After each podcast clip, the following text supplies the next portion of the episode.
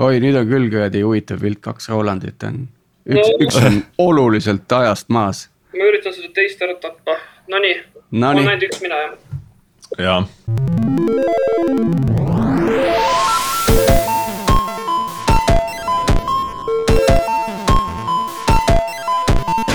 tere tulemast Algorütmi kuulama, täna on kahekümne viies veebruar ja mina olen Tiit Paananen Veriffist ja minuga koos on saadet vedamas Priit Liivak Nortalist. Ja meil on ka uus saatejuht Martin Kapp Pipedrive'ist ja Sergei kindlasti ole, osaleb ka tulevikus, aga, aga on oluline ka uut värsket verd tuua saatesse ja. ja Martin ju ei ole meile tegelikult võõras, et Martin tegelikult osales meie teises saates, ehk siis esimene saade, mis oli külalisega. nii et ja siis me rääkisime arendaja produktiivsusest.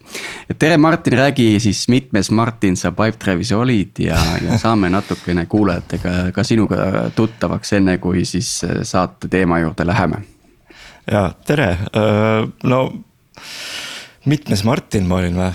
see oli vist isegi üks, kaks, kolmas äkki kui ma nüüd ei eksi.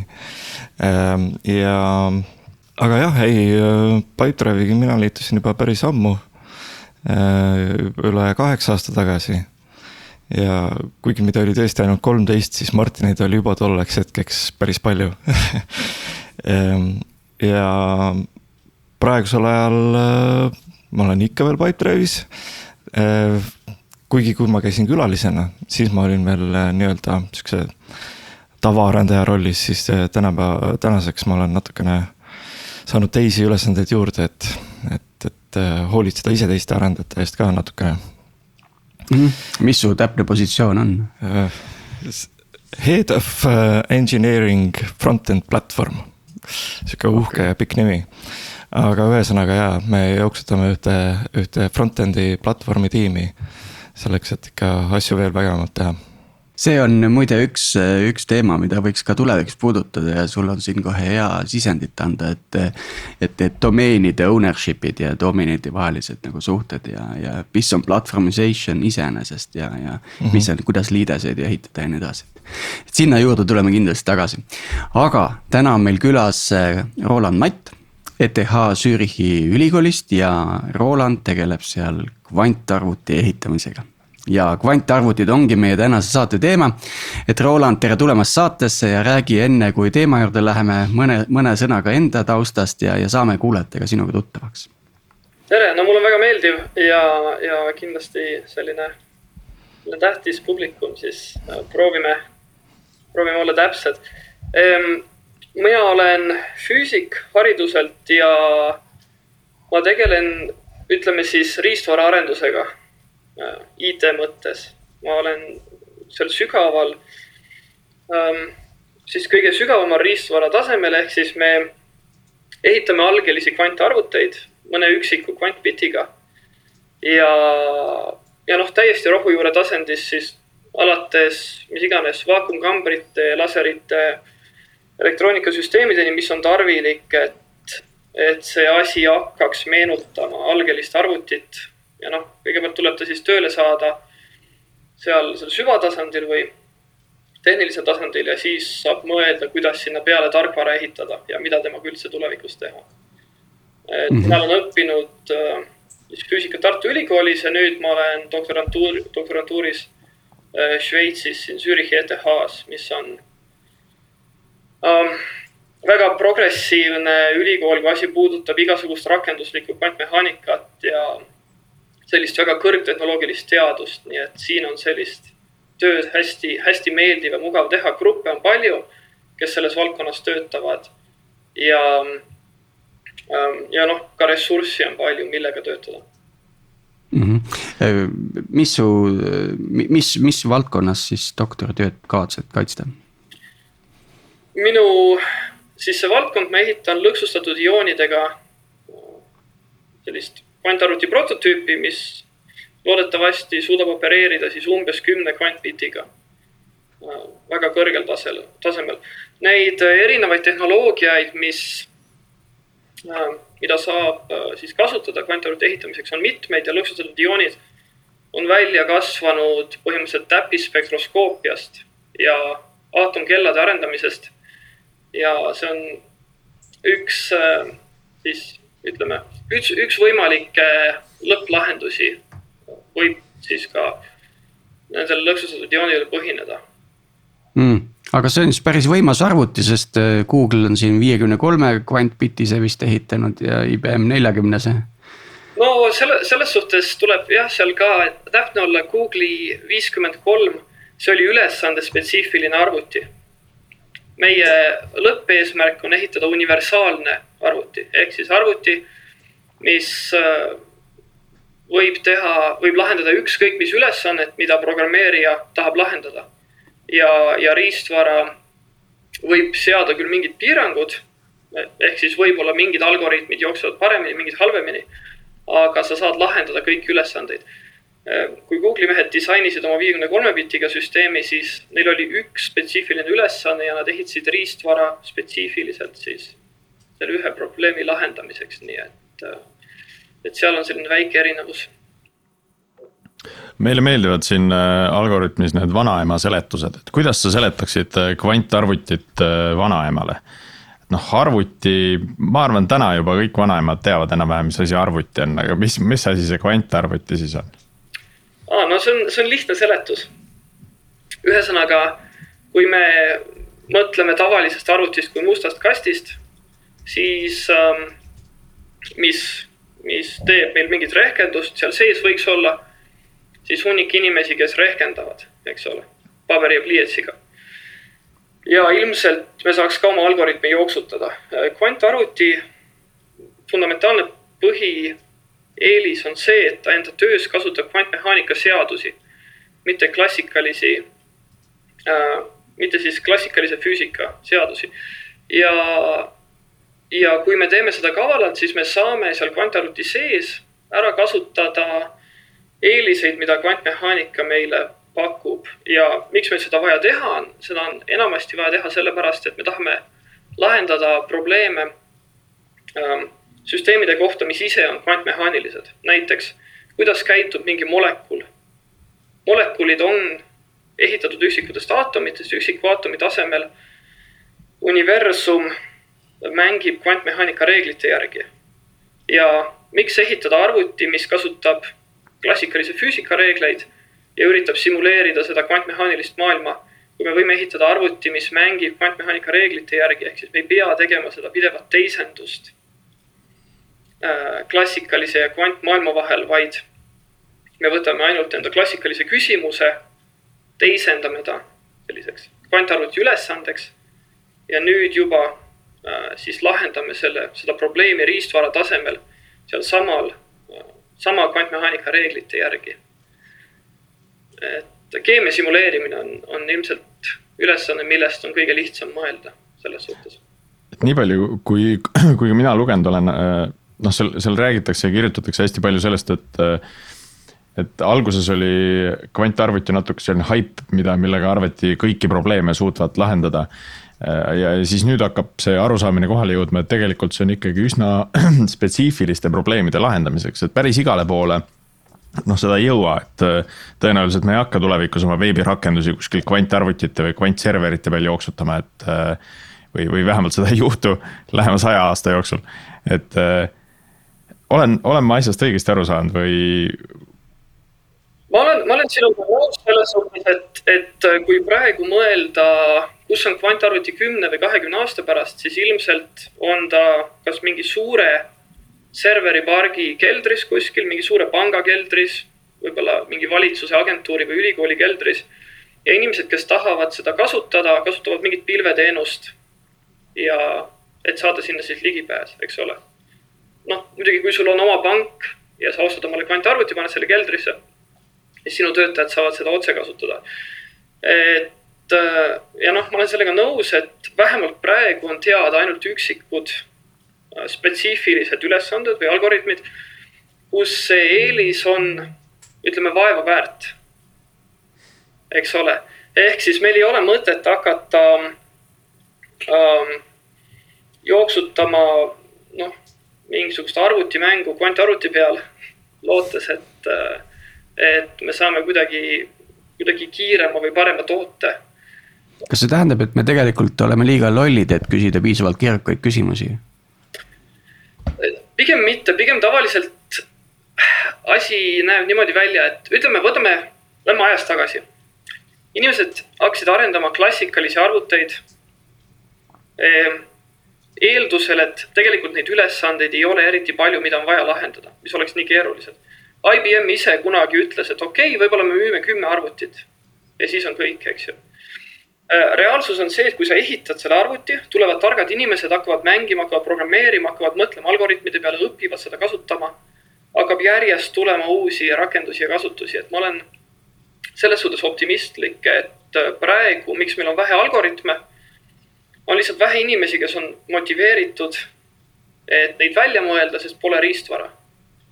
et see on nagu natuke muna-kana probleem ja, ja kui tulevad arvutid, tuleb, tulevad paremad algoritmid, seda on praegu juba näha selles valdkonnas töötades.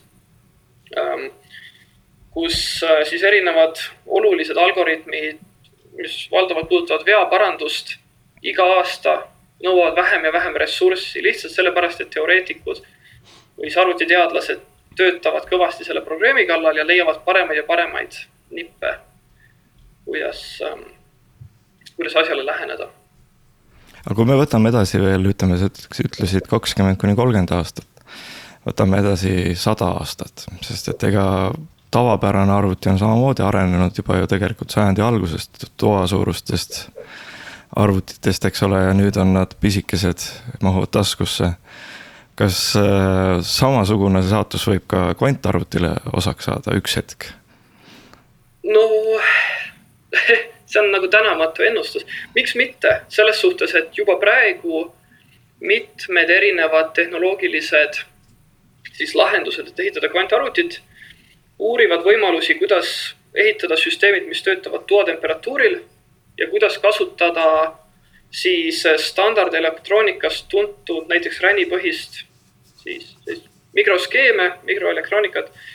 et, et ehitada süsteeme, mida oleks odav toota, mis oleks hästi kompaktsed, hästi robustsed ja, ja noh, ka üliskaleeritavad, sest et kui sa tahad ehitada midagi ähm,, midagi, mis suudab teha arvutusi paljude bittide peal siis kogu see elektroonika peab olema väga skaleeritav, et ta lõpuks muutuks siis käekella suuruseks. ma kohe küsin, mis puudutab seda tundlikkust, et, et ähm, kvantarvuti iseenesest, ütleme, kvantprotsessor on nagu üks väike osa, aga suur osa arvutist on, tegeleb selle protsessori siis kaitsmisega põhimõtteliselt, ma saan aru. ütleme siis nii, et äh, ma läheks nagu sammu tagasi, ma ütleks mitte ainult kaitsmisega Äh, ka kontrolli ja, ja optimeerimisega. Et kui me nüüd võtame need süsteemid, mille peal mina töötan, mis on siis, need on üksikud kaltsiumiioonid ehk siis kaltsiumiaatomilt on üks elektron ära võetud ja nüüd me elektriväljadega põhimõtteliselt hõljutame teda vaakumis. ta on väga hästi isoleeritud süsteem, sest ta on vaakumis. me kaitseme teda äh, või kuidas siis öelda, väline kiirgus teda ei mõjuta. Äh, kui me paneme ta teatud kvantolekusse, ta võib mäletada enda olekut sekundeid või minuteid ja nüüd me saame väga kiiresti teda laserimpulssidega kontrollida.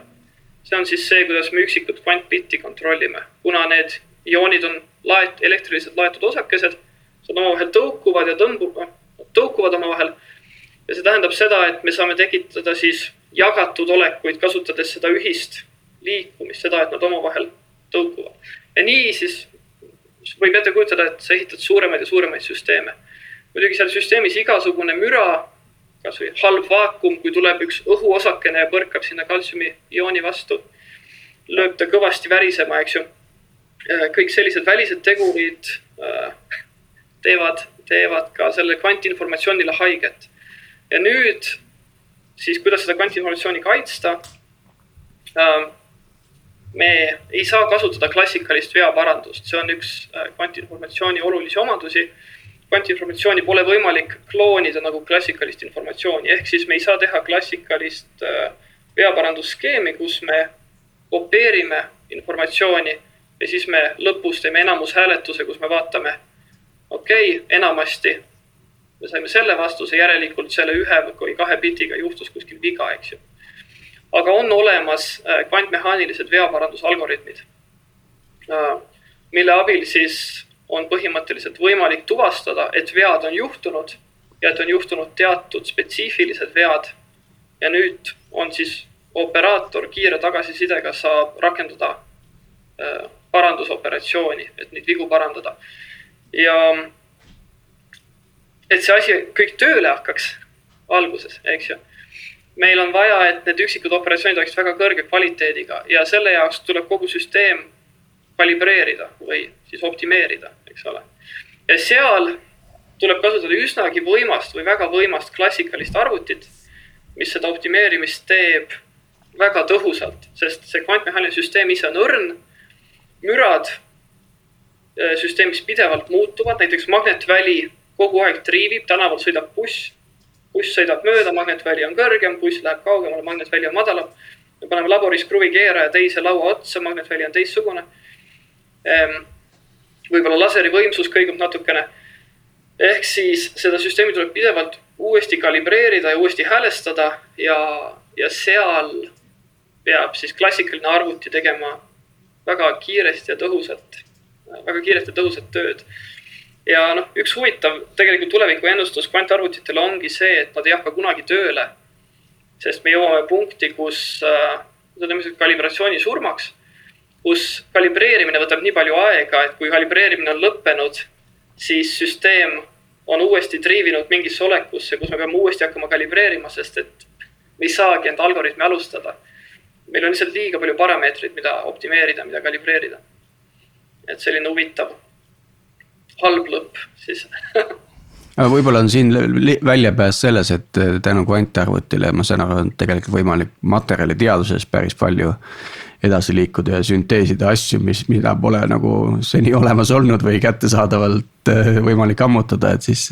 et arvutad kvantarvutiga kvantarvuti kaitsekile välja no võib-olla küll jah, et äh, ütleme niimoodi, et praegused prognoosid on ikkagi optimistlikud ja tundub, et kui, kui teha asju hästi, siis me oleme vähemalt suutelised või suutelised ehitama väga suuri kvantsüsteemi ehk siis um, võib-olla tuhandeid kvantbitte kontrollima. nüüd küsimus, kui me tahaksime teha midagi, mis oleks universaalselt kasulik ja ka siis nagu väga keeruliste probleemide lahendamiseks. ilmselt oleks vaja minna miljonitesse või, või veel suuremate numbrite juurde. et, et praegu ei ole, ütleme, ükski tehnoloogia ei ole, ei paku selget lahendust, kuidas seda täpselt teha. aga inimesed töötavad selle suunas väga-väga aktiivselt. kui palju üldse seda, seda riistvara täna täna maailmas on, et kas sa, kas sa julged öelda, et iga ülikooli juures on mingisugune uurimisrühm, äh, mis, mis tegeleb äh, kvantarvutitega, ilmselt igaüks ei ehita endale kvantarvutit, aga. ma ütleksin seda, et äh, maailmas on tõenäoliselt suurusjärk, okei okay,, noh, see on väga suurusjärk, ütleme sada ülikooli uurimisgruppi, kes ühel või teisel moel siis äh, arendavad otseselt siis kvantarvutit riistvarana. võib-olla nad tegelevad mingisuguse kindla komponendiga. on võib-olla kümme juhtivat gruppi, kes on siis enam-vähem sama kaugel progressis ja, ja siis on käputäis ettevõtteid, kellel on väga arvestatavad äh, arenduslaborid. Nagu näiteks siis Google, IBM um,, Honeywell ja noh, ka teooria poole pealt Microsoft. aga teoreetikuid muidugi üle maailma on palju kes, kes nende asjade peale mõtlevad, sest et äh, kvantarvuti riistvaraarendus on, on kallis ja sellega valdavalt tegelevad füüsikud praegusel hetkel. ja füüsikud peavad alati õigustama enda tööd äh, sellega, et me peame, me peame ütlema, et me teeme füüsikat, eks ole. Ehk siis äh, me peame leidma füüsika probleemi, mille uurimiseks meil on vaja neid süsteeme arendada ja me peame leidma siis pidevalt probleeme et põhimõtteliselt taodelda rahastust ja selles mängus osaleda. kas, kas sinu roll täna on ainult selle riistvara poole peal või sa tegelikult tegeled ka selle tarkvaraga, mis siis seda kvantarvutit juhib, et nii-öelda see kontrollsüsteem ja, ja vigade tuvastamise süsteem seal ümber? Mina valdavalt tegelen praegusel hetkel, kuna, kuna see seade, mille, mida siis mina ise arendan enda selle väikse meeskonnaga. Äh, mina tegelen siis selle rohujuure tasemel äh, tarkvaraga ehk siis, ehk siis noh, näiteks eile me just programmeerisime kalibratsiooni äh,, erinevaid kalibratsiooni algoritme siis, et, et kalibreerida seal teatud teatud süsteemi parameetrid, näiteks mingid laserimpulsside võimsused ajad ähm, ja, ja sellised asjad, et äh, sellise füüsikalise taseme kohal on koheselt see esimene loogiline tase, kus me ei räägi enam, et mul on laserimpulss võimsusega viis ja ajaga kümme, vaid me räägime, et mul on loogiline väravaoperatsioon, mis näiteks siis äh,, äh, mis näiteks pöörab biti ümber või, või mingi, mingi muu keerulisem loogilisem, loogi, loogiline operatsioon. ja, ja see on siis nagu siis selline esimene abstraktsiooni tase, sealt saab minna järjest kõrgemale, kus me erinevatest füüsikalistest kvantbittidest, neid kombineerides saame tekitada abstraktseid loogilisi kvantbitte, mille, millest siis, millel on mingi teatud kaitse, kuna me oleme kodeerinud äh, mitu füüsikalist kvantbitti üheks loogiliseks bitiks siis sellel loogilisel bitil on teatav kaitse vigade eest, siis nende veaparandusalgoritmide abil. ja nüüd seda veaparandust võib teha mitu kihti. kõige lihtsamad veaparandusalgoritmid vajavad seitse füüsikalist kvantbitti või üheksa, noh, ütleme suurusjärk kümme, et siis kodeerida üks loogiline kvantbitt, aga nüüd seda veaparandust võib teha mitu kihti. ehk siis tegelikult ühe hea kvaliteediga loogilise kvantbitti saamiseks, millega siis tõesti saaks algoritmi jooksutada võib, võib vaja olla kümme või sada või, või tuhat siis füüsikalist kvantbitti. ja sellepärast tulebki neid süsteeme tugevalt skaleerida, sest mina praegu räägin süsteemist, kus mul on kümme füüsikalist mm. -hmm. isegi mitte, siit saad ühe loogilise kokku nii-öelda. ehk siis mina saaksin ühe loogilise äh, kokku, kuhu ma, äh, mis on, millel on siis üks kiht äh, kaitset mm, -hmm. veaparanduslikku kaitset, eks ju kas see tähendab siis seda, et see on, see on ligikaudu efektiivsus praegu on kümme protsenti ja vähem alles, et, et kui me veaparandusalgoritme saaksime paremaks, et kas siis sama arvu, ütleme sama, sama tugeva arvutusvõimsuse juures tegelikult meil arvutusvõimsus ise kasvab saaks kaks loogilist bitti yeah. kokku, kui, kui me saaks veaparandusalgoritmid poole, poole paremaks või yeah.? Jah, no seal, seal tuleb teatav teatav fundamentaalne piir ette, et ütleme siis jah, sealt niimoodi suurusjärk kümnest alla minna on, on keeruline. mida saab teha ja mille kallal inimesed töötavad, on otsida veaparandusalgoritme, kus üksiku füüsikalise kvantbiti äh, viga, mida saab parandada, võib olla suurem ehk siis vea tõenäosus ähm,. see kogu veaparanduse toimimine eeldab seda, et, äh, et üksikud vead juhtuvad väga harva. ja sest kui nad juhtuvad piisavalt tihti, siis pärast seda, kui me oleme teinud ühe tsükli veaparandust, on lihtsalt juhtunud liiga palju vigasid füüsikaliste bittidega. ja, ja see, mis sealt veaparandusalgoritmist välja tuleb, on, on noh, selles suhtes jama. et võib-olla ta on ära parandanud ühe vea, aga juhtunud on mitu ehk siis see on aktiivne uurimissuund, kuidas leida algoritme, kus äh, kus on võimalik tolereerida väga halva kvaliteediga kvantbitte, sest praegu ikkagi üks suur probleem on see, et üldse hakata veaparandusalgoritmide peale mõtlema, ähm, peavad, peab see üksiku kvantbiti kontroll olema juba äärmiselt kõrge kvaliteediga.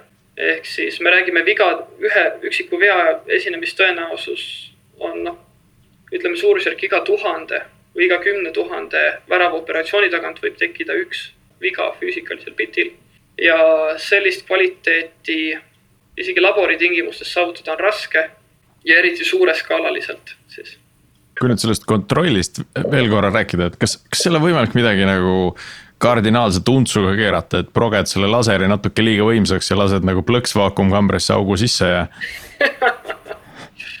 no selles suhtes muidugi on, et, ähm, et võib-olla sa ei lase vaakumkambrisse auku sisse, aga aga needsamad ioonid näiteks, mis meil seal lõksus on, kui sa programmeerid midagi valesti, siis üks, noh, üks oluline operatsioon, mida me teeme, on nende aatomite jahutamine siis nii, me jahutame neid laseritega nii madalale temperatuurile, et nende liikumisolek on siis täielikult kvantmehaanilisel piiril.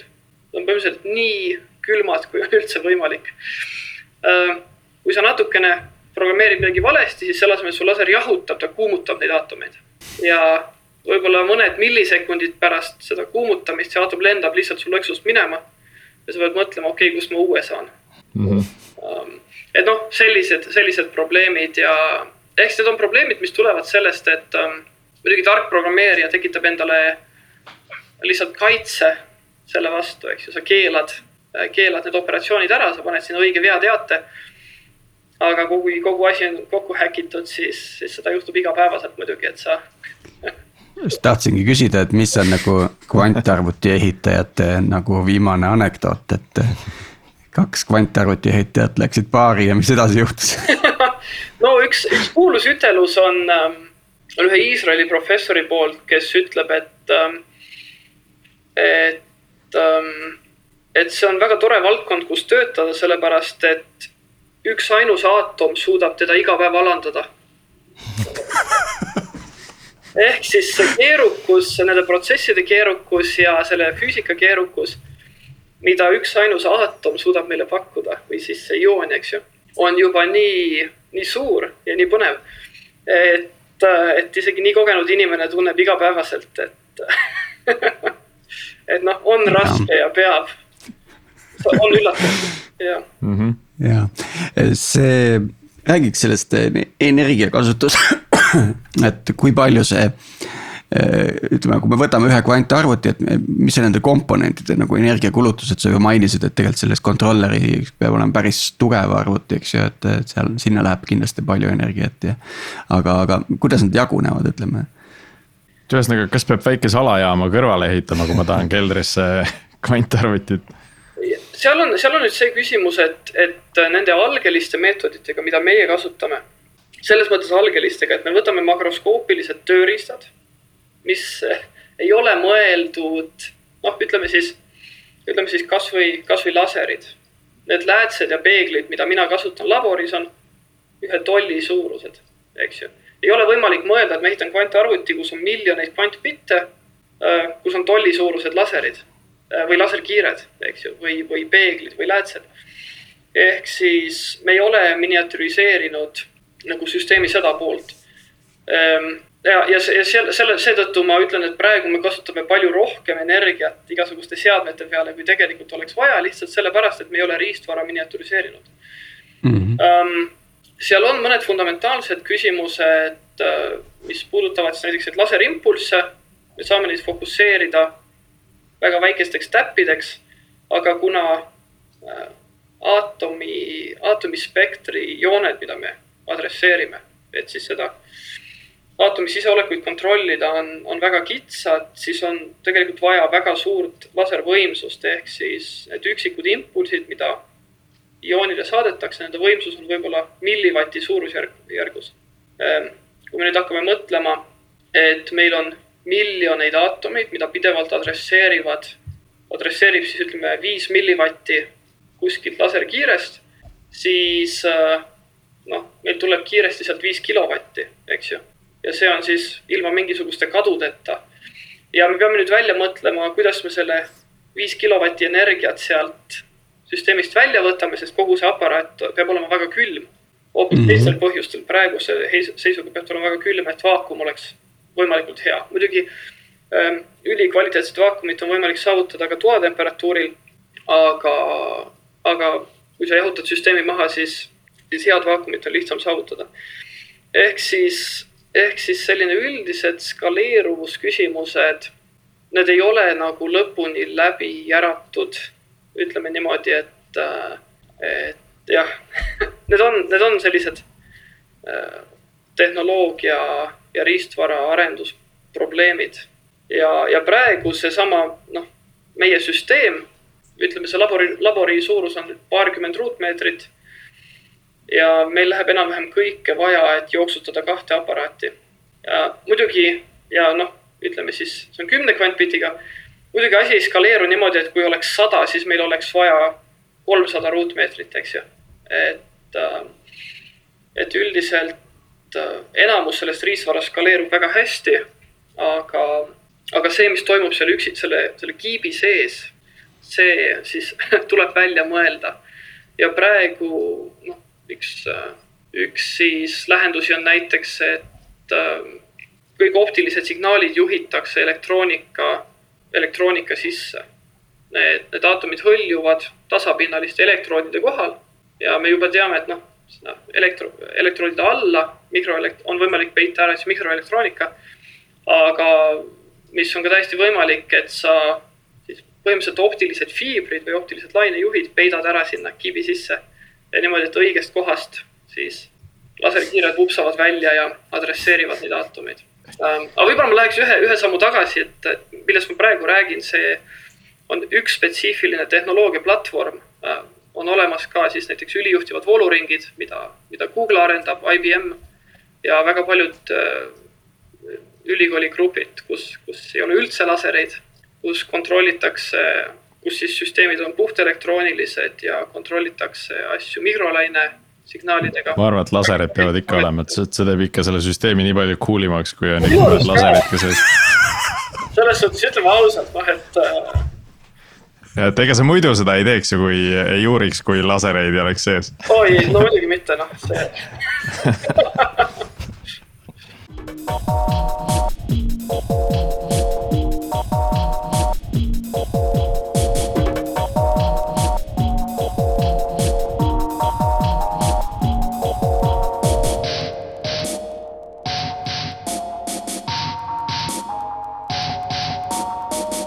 aga kui me nüüd räägime, et, et see, te põhimõtteliselt ehitate ju, eks ole, protsessorit sisuliselt, eks ole. kui, kui suur võiks olla see üks protsessor nii-öelda, ütleme see kümne kvantbitine? kui suur ta võiks olla tulevikus?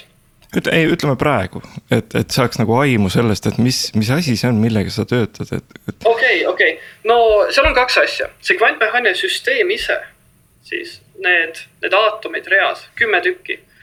Nende vahekaugus on viis mikromeetrit ehk siis kujuta ette, kui sul on kümme sellist angstromi suurust pallikest reas, mille vahekaugus on viis mikromeetrit, eks ju. see on päris väike süsteem. see lõks, mis on seal ümber, mis lõksustab ja mis neid aatomeid paigal hoiab, selle suurus on umbes kaks korda kaks sentimeetrit. see vaakumkamber, mis on seal ümber, selle läbimõõt on umbes kolmkümmend sentimeetrit, eks ju. ja nüüd see labor, mis on selle ümber, selle läbimõõt on siis ütleme kümme meetrit. et, ähm, et, et tegelikult, ähm, äh, tegelikult siis see, see süsteem ise ei ole suur. kvantmehaaniline süsteem, kus need aatomid elavad, äh, ei ole suur, ehk siis kui me läheks, kui me teeksime, ütleme siis kahedimensionaalse sellise võrgustiku, mitte siis lineaarse, minu puhul on siis tegu lineaarse süsteemiga, kus need ioonid on reas me teeksime kahedimensionaalse süsteemi, siis ähm, mis see lihtne matemaatika ütleb, kui vahekaugus on viis mikromeetrit, siis meil oleks nelisada kvantbitti sada korda sada mikromeetri peal. ehk siis millimeeter korda millimeeter võiks juba olla siis sada korda rohkem Ma,. mahub järgmise Apple Watchi sisse ära küll ja noh, et okei okay,, võib-olla me ei suuda neid nii tihedalt pakendada, aga, aga eks seda näis, et need skaleeruvuse küsimused, need on riistvara poole pealt ka kõige huvitavamad probleemid, mille kallal pusida igapäevaselt. et äh, kui hakata teadusartikleid lugema, siis kui keegi avaldab midagi uut, siis tehnoloogia poole pealt skaleeruvus on põhimärksõna, kuidas teha asja kompaktsemaks ähm,, robustsemaks, et jah, me oleme hetkel selles faasis, kus sul on reaalselt vaja inimesi, kes hoiavad süsteeme töös teatud süsteemid opereerivad juba nagu täisautomaatika peal, ehk siis sul ei ole vaja äh, kedagi, kes iga hommik läheks ja, ja midagi näpiks ähm, seal aparaadi sees, eks ole. me hakkame sinna jõudma, jah et võrdluseks, et ma tutvusin just, et noh, et tavapärane protsessor, eks ole, et kõige esimene, mis tehti, ütleme Inteli oma, oli siis, et sellel oli kaks tuhat transistorit. ja transistori suurus oli kümme tuhat nanomeetrit, see on siis kümme mikromeetrit, eks ole? jah, ehk siis see oli juba suurem kui see, mis põhimõtteliselt teil on praegu. et lootust nagu on põhimõtteliselt. lihtsalt, et transistorite arv ise, eks ole. See... räägid juba jah mikrosüsteemist, et, et noh, lamptransistorid olid ju palju suuremad. ja, ja mm, -hmm. et noh, loomulikult siin on kõik see, mis sinna juurde tuleb, et, et nagu sa ütled, et kui skaleeruda veel ka kõik see kontrolliv keskkond sinna juurde ja kõik see väiksemaks läheb, et. Ja, aga teine küsimus on selles, et ähm, kui me hakkame mõtlema, miks me tahame kvantarvutit äh,, valdavalt ütleme siis, heatahtlikud inimesed tahavad seda mitte, et murda RSA krüpteeringut või, või, või teha midagi sellist. me tahame seda keemia ja materjalide simuleerimiseks. et äh, toota paremaid ravimeid, et toota paremaid materjale, toota paremaid keemiaid, äh, toota paremat, äh, arendada kiiremini Äh, siis keemiat, sest et, sest kõik meie ümber on tehtud materjalidest ja me tahame, et need muutuksid järjest paremaks um,. siis, siis noh, üks hea uudis on ka selles, et, et äh, lähi, lähiplaanis see siis sisaldab kvantmehaanika simuleerimist ja kvantmehaaniliste süsteemide simuleerimist ja me ei pea seda tegema universaalse kvantarvutiga. Selleks võib kasutada lihtsamaid süsteeme, kus vigu esineb palju rohkem ja kus me ei kasuta üldse veaparandust. ehk siis tuhande kvantbitiga süsteem võib juba simuleerida äärmiselt keerukat molekuli näiteks mida täpselt klassikaliselt ei oleks võimalik ühegi maailma superarvutiga simuleerida. Nad peaksid kasutama lähendusi. ja, ja see on ilmselt üks olulisi, siis ütleme sellise järgmise kümne aasta rakendusi, kus kus kvantmehaanika simuleerimine selliste ütleme tuhande või kümne tuhande või isegi saja kvantbitiste seadmete peal ehm, toob meile uut väärtust. et, et universaalne kvantarvuti, mis siis tõesti suudab iga probleemi lahendada, noh, mõtlen siis mitte iga, iga probleemi, eks ju, mitte maailma nälga ja, ja kus on tulnukad, vaid selles mõttes siis programmeeritavat probleemi et, et raske on ennustada, kui kaugel need süsteemid on, sest seal need veaparanduskihid põhimõtteliselt üt, äh, tekitavad olukorra, kus meil on vaja palju rohkem hea kvaliteediga kvantbitte kui sellise lihtsa simulaatori jaoks. ma tahtsin veel korra nagu minna sinna sisse, et sa ise ütlesid ka, et sa ehitad tegelikult universaalset. ja, ja see Google'i näide oli nagu nii-öelda ülesandepõhine äh, äh, nii-öelda harjutus, et äh, Äh, räägi veits nagu seda, seda lahti, et kus see, kus see keerukus on ja, ja.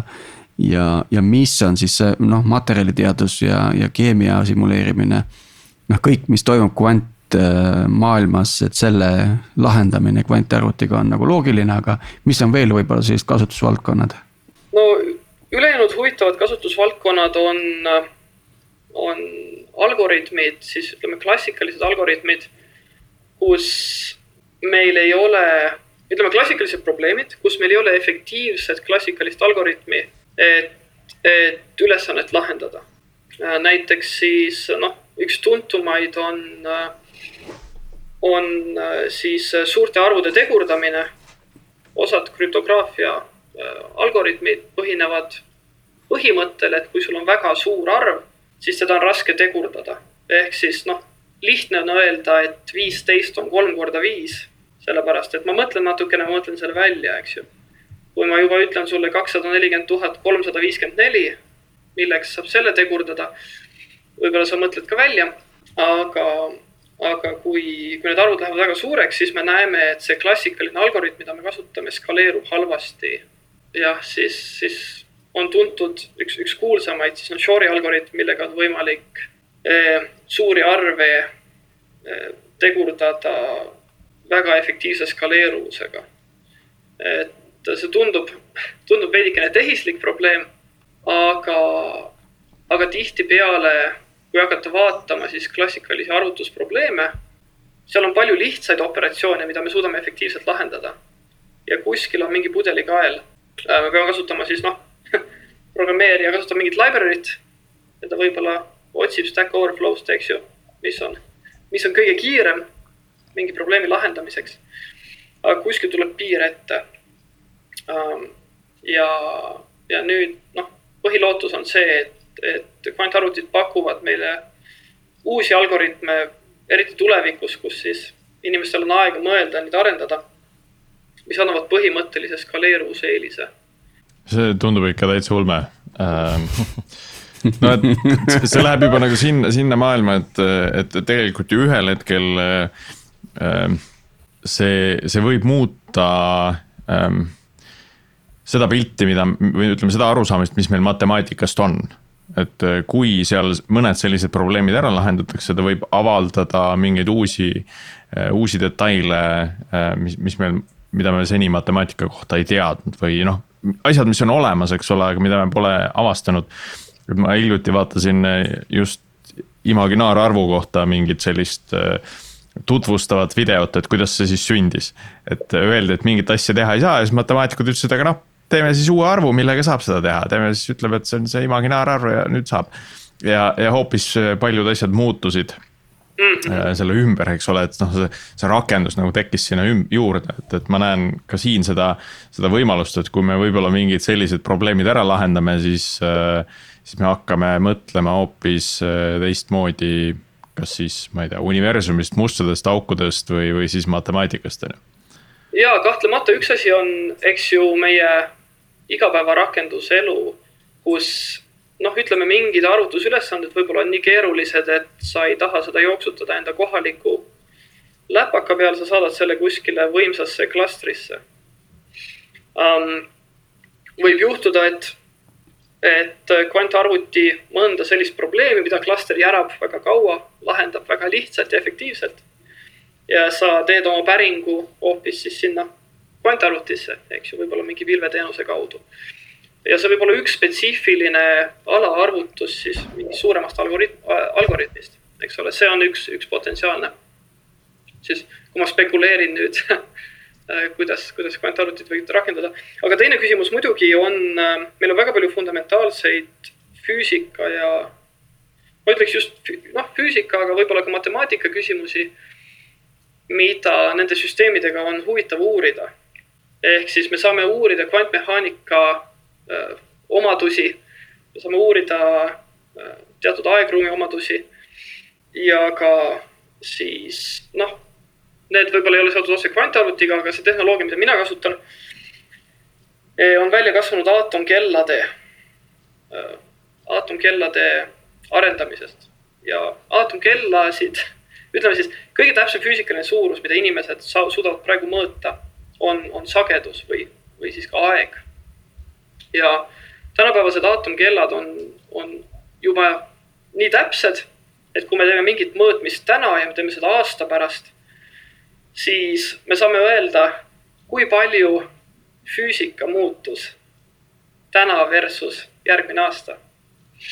ja need on väga huvitavad ja väga fundamentaalsed küsimused, sest et üks küsimus, mida, millele tuleb vastata ühel hetkel, on see, et kas füüsika meil siin, meie tähesüsteemis, siin, kus me asume, meie ajal on sama, kas füüsikareeglid on samad, kui nad olid universumi sünnihetkel, kui nad on miljoni aasta pärast või kui nad on mingisuguses noh, kuskil kaugel. et ähm,, et selliste väga tundlike kvantsüsteemidega saab ka, saab ka sellistele küsimustele vastuseid otsida. kas see tähendab, et me saame vastuse sellele küsimusele, et kuidas mis juhtub universumi lõpus? ja mis ja, pärast kõik on ära jahtunud ja seisma jäänud. Eh, siit ma saan kohe väga hea argumendi eh, selle vastu, kui keegi ütleb, et eh, see on loodusseadus ja, ja see, need ei muutu, siis ma ütlen, et kuule, muutuvad küll, et. kust sa tead, et ei muutu?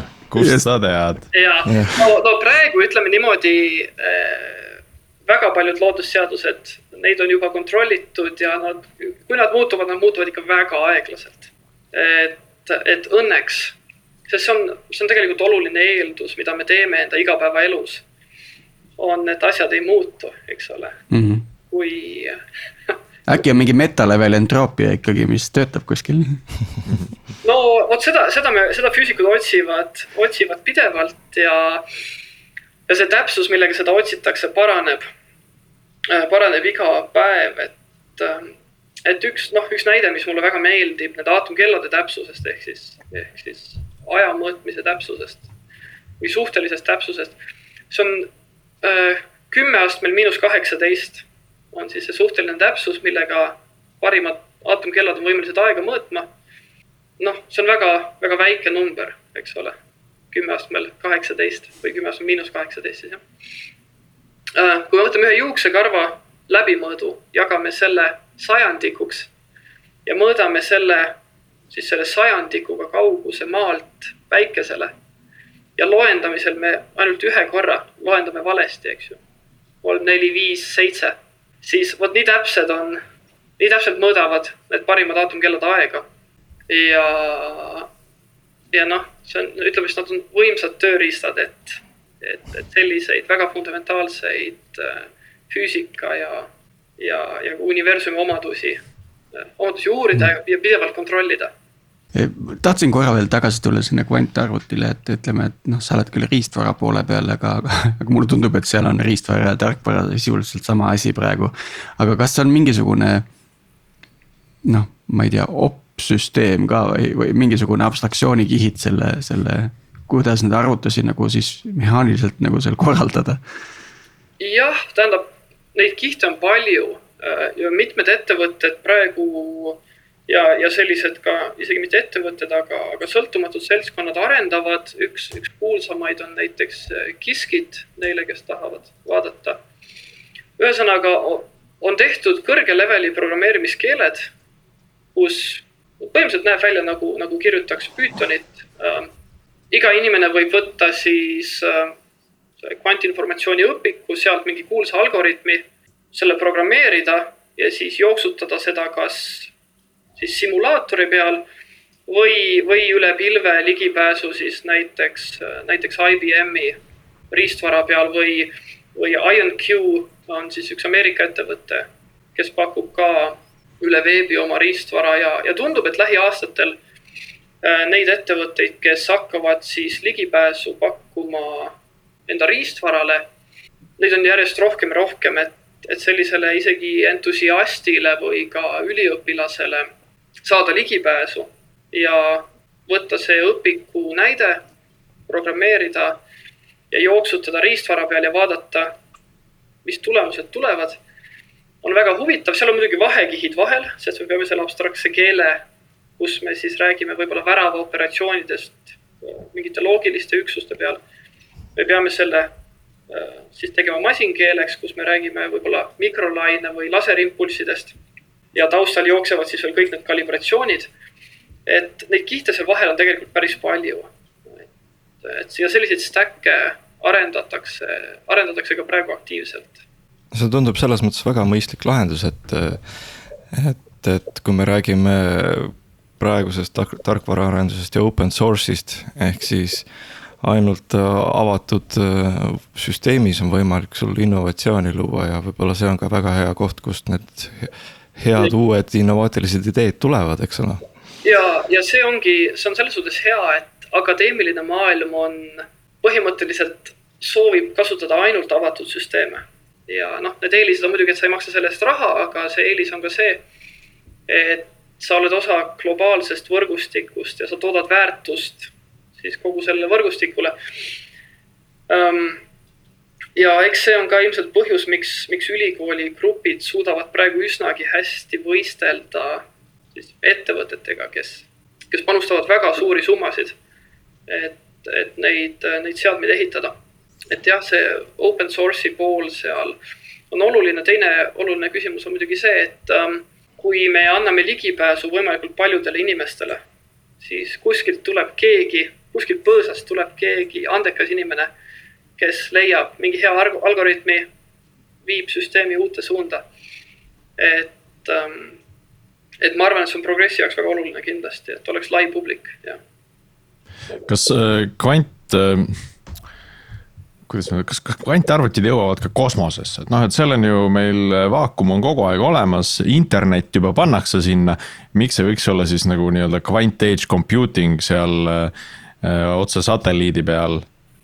noh, kiire internet pannakse sinna, Elon ju tahab saata vist neli tuhat satelliiti kosmosesse, et internetti üle maailma pakkuda. ja, ja ehm, mis on tegelikult ka huvitav kõrvalepõige sellest on, on kvantmehaaniliselt turvaline side ja, ja hiinlased on selles eesrinnas, kus ähm, äh, sest üks, üks olulisi selliseid äh, ütleme, kvantieelise, kui me seda niimoodi võime nimetada, rakendusi on ka kvantmehaaniliselt turvaline side. ehk siis on olemas teoreetiliselt tõestatud sideprotokollid, äh, kus sidekanalit on võimatu pealt kuulata niimoodi, et äh, vestlejad ei saaks teada, et neid kuulati pealt mm. -hmm. ja siis mida lähemal see krüpto sisuliselt äh, seal sideallikal on või sellele satelliidile, seda, seda efektiivsem see ju ja seda turvalisem see on, et sul on vaja füüsilist ligipääsu sellele satelliidile siis juba, et midagi hakata sealt vahelt, vahelt kuulama. enamus, enamus häkkereid ka ilmselt ka klassikaliste krüptosüsteemide puhul häkivad mm, ütleme siis nagu seda ventiili, mis on klaviatuuri ja tooli vahel.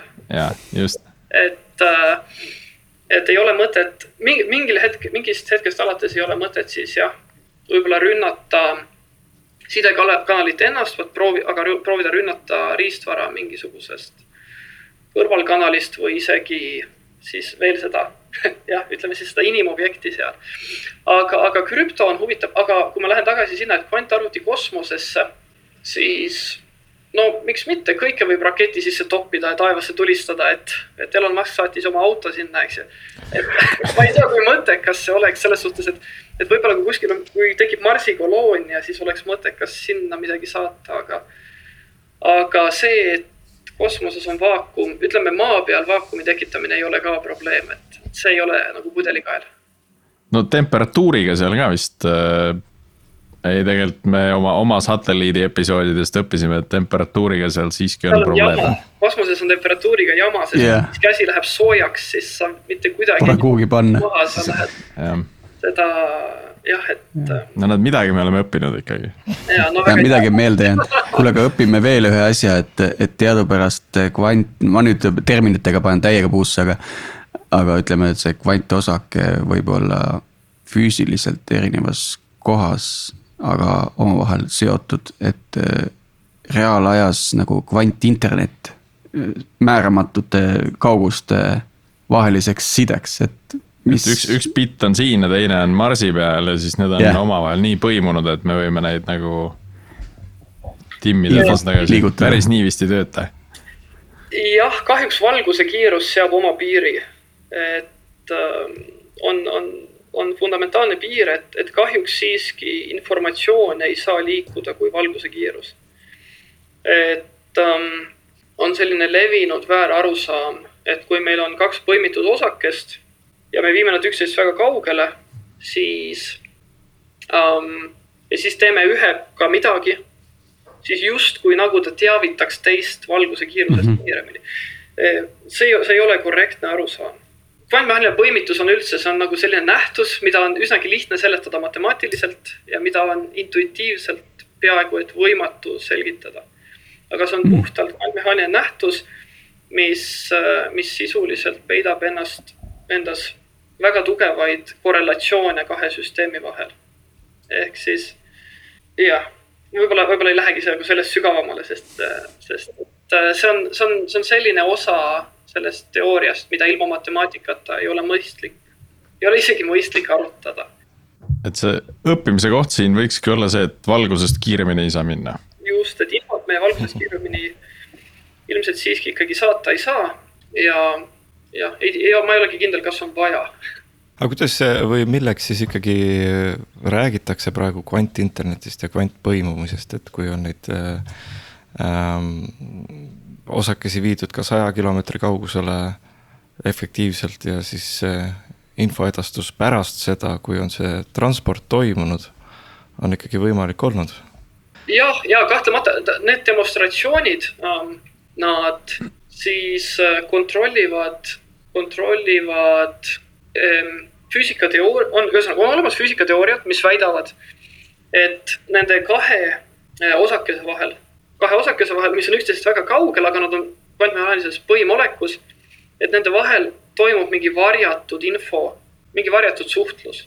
enamasti siis selliste testidega kontrollitakse, et need kaks osakest viiakse üksteisest piisavalt kaugele ja neid mõõdetakse samaaegselt. Ja mida sellega on võimalik kontrollida, sellega on võimalik kontrollida, et et ühe mõõtmine ei saatnud teisele infot, sest et seda teist mõõdeti ennem, kui see info oleks kohale jõudnud. ja, ja sellega on võimalik siis ähm, ütleme, tõmmata piir teatud füüsikateooriatesse, et meie arusaam siis väga fundamentaalsel tasemel oleks, oleks veidi parem ja, ja meie kvantmehaanika tõlgendus.